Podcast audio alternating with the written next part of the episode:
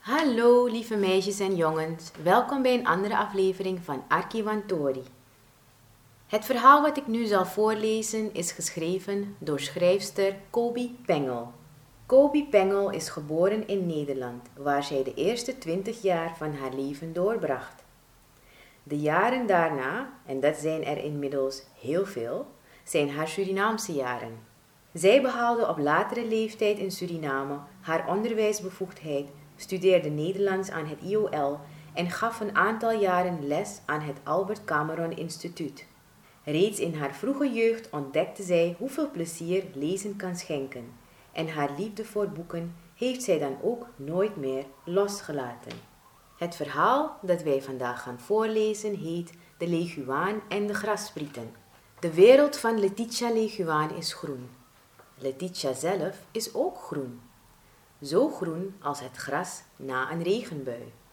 De tamarindeboom waarin zij woont en de groene blaadjes die zij eet omringen en beschermen liefdevol haar lange groene lijf met de even lange staart.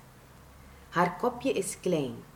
Haar pintere oogjes bekijken oplettend haar groene omgeving. Haar vier korte maar stevige pootjes zitten dicht aan haar lichaam. Ze hebben klauwtjes met wijd uitgespreide vingertjes. Daarmee kan Letitia zich overal goed aan vasthouden en ze kan er ook heel hard mee lopen.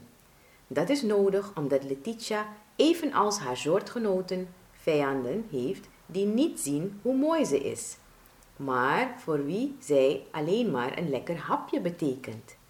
Vooral in de tijd waarin ze eieren in haar buikje bewaart, waaruit na een poosje haar kindertjes zullen komen.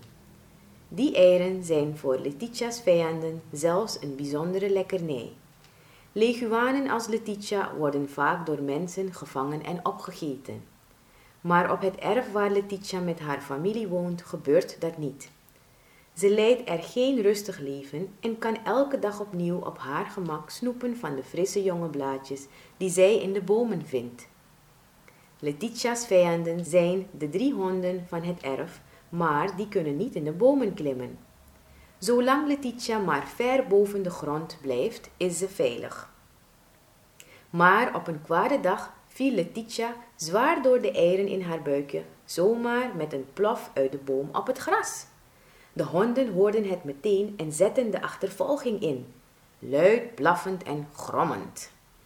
Letitia was verlamd van schrik, een paar seconden maar. Ze zette het daarna meteen op een lopen. Toen deed ze iets dat een beetje dom was. In plaats van zichzelf vlug langs de stam van een boom in veiligheid te brengen, liep ze precies de verkeerde kant uit en kwam buiten de omheining van het erf in het gras terecht, waar er geen bomen waren om in te klimmen. Zover ze kijken kon, zag ze alleen maar hoog gras om zich heen. Haar bekje ging open en dicht, open en dicht, alsof ze iets wilde roepen tegen de blaffende honden aan de andere kant van het hek.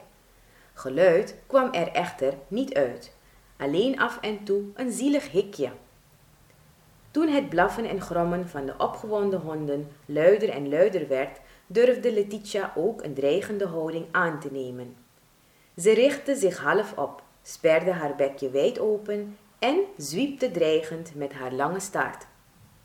Dit maakte geen indruk op de honden, die alleen maar steeds meer trek kregen in het lekker groen hapje. De honden konden niet bij Letitia komen, maar Letitia zat in de val en kon nergens heen.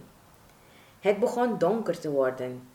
De honden hielden niet op met blaffen en grommen.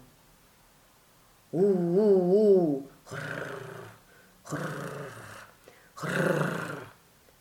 Letitia kon niet meer. Uitgeput lag ze in het vochtige gras helemaal in de war door wat er met haar was gebeurd. Ondanks het lawaai dat de honden maar bleven maken, sliep ze in. Misschien zou de ochtend redding brengen. Maar zo lang hoefde ze niet te wachten. Toen het nacht geworden was, werd Letitia wakker door een druk gefluister om haar heen. Ze meende een heleboel stemmetjes te horen. Of was het gewoon het gras dat haar wilde troosten? Kijk eens aan, een leguaan. Letitia. Letitia. Zeg eens, kun jij ons verstaan? Mooie dikke leguaan. Waar kom jij opeens vandaan?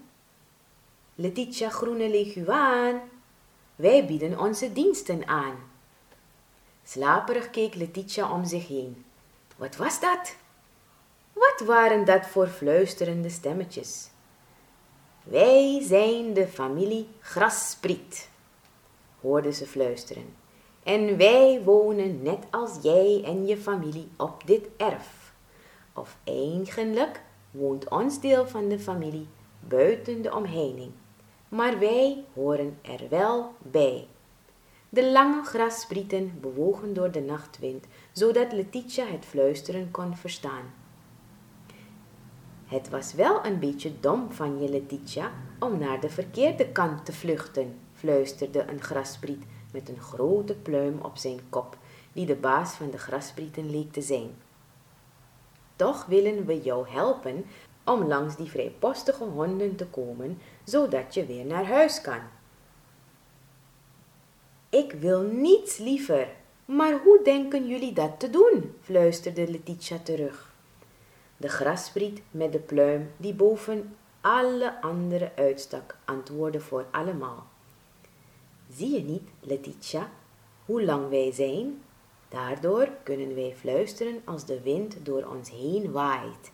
En wij kunnen zelfs een slaapliedje zingen, zodat de honden in slaap vallen. Dat zou goed zijn, fluisterde Letitia weer. Dan kan ik vlug langs hen heen rennen. Maar weet je, Letitia, hoe het komt dat wij zo lang zijn en dus kunnen fluisteren en in staat zijn jou te helpen? fluisterde de lange met de pluim weer. Letitia schudde haar kopje. Nee, dat wist ze niet. Dat komt doordat er in het huis waarbij dit erf hoort een enorme luilak van een vent woont. Hij heeft een grasmaaimachine, maar hij is te lui om te maaien. Dus denk maar niet dat wij op tijd gemaaid worden. Daarom zijn wij zo lang en kunnen wij fluisteren. Alle andere grassprieten wuifden heen en weer om aan te geven dat de grote spriet met de pluim helemaal gelijk had. En Letitia, als die vent niet zo lui was, dan was hij toch ook allang zijn huis uitgekomen om zijn vrijpostige honden aan te spreken, om ze te laten ophouden met blaffen. Ook hiermee waren de andere grasprietjes het eens. Letitia knikte. Zo was het. De lange graspriet had gelijk. Hij was een slimme graspriet. Let op, Letitia, fluisterde de lange spriet weer. Nu gaan wij met z'n allen een slaapliedje fluisteren dat de wind naar de honden toe zal waaien. Als de honden slapen, kun jij ontsnappen.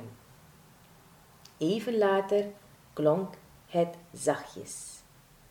Slaap, hondje, slaap, blaf niet meer maar gaap. Wees stil nu bij de volle maan en droom maar van de leguaan. Wij zorgen voor het groene dier, als de zon weer schijnt, is zij ver van hier. Het slaapliedje werd enkele malen herhaald, steeds zachter, steeds langzamer. De honden lieten hun koppen zakken. Ze strekten zich uit.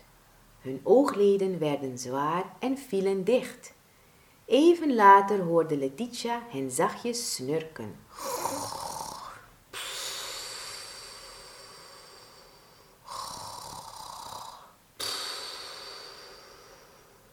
Ze kroop tussen de planken van de omheining door, rende zo snel ze kon langs de slapende honden naar de tamarindeboom en klom langs de stam naar boven.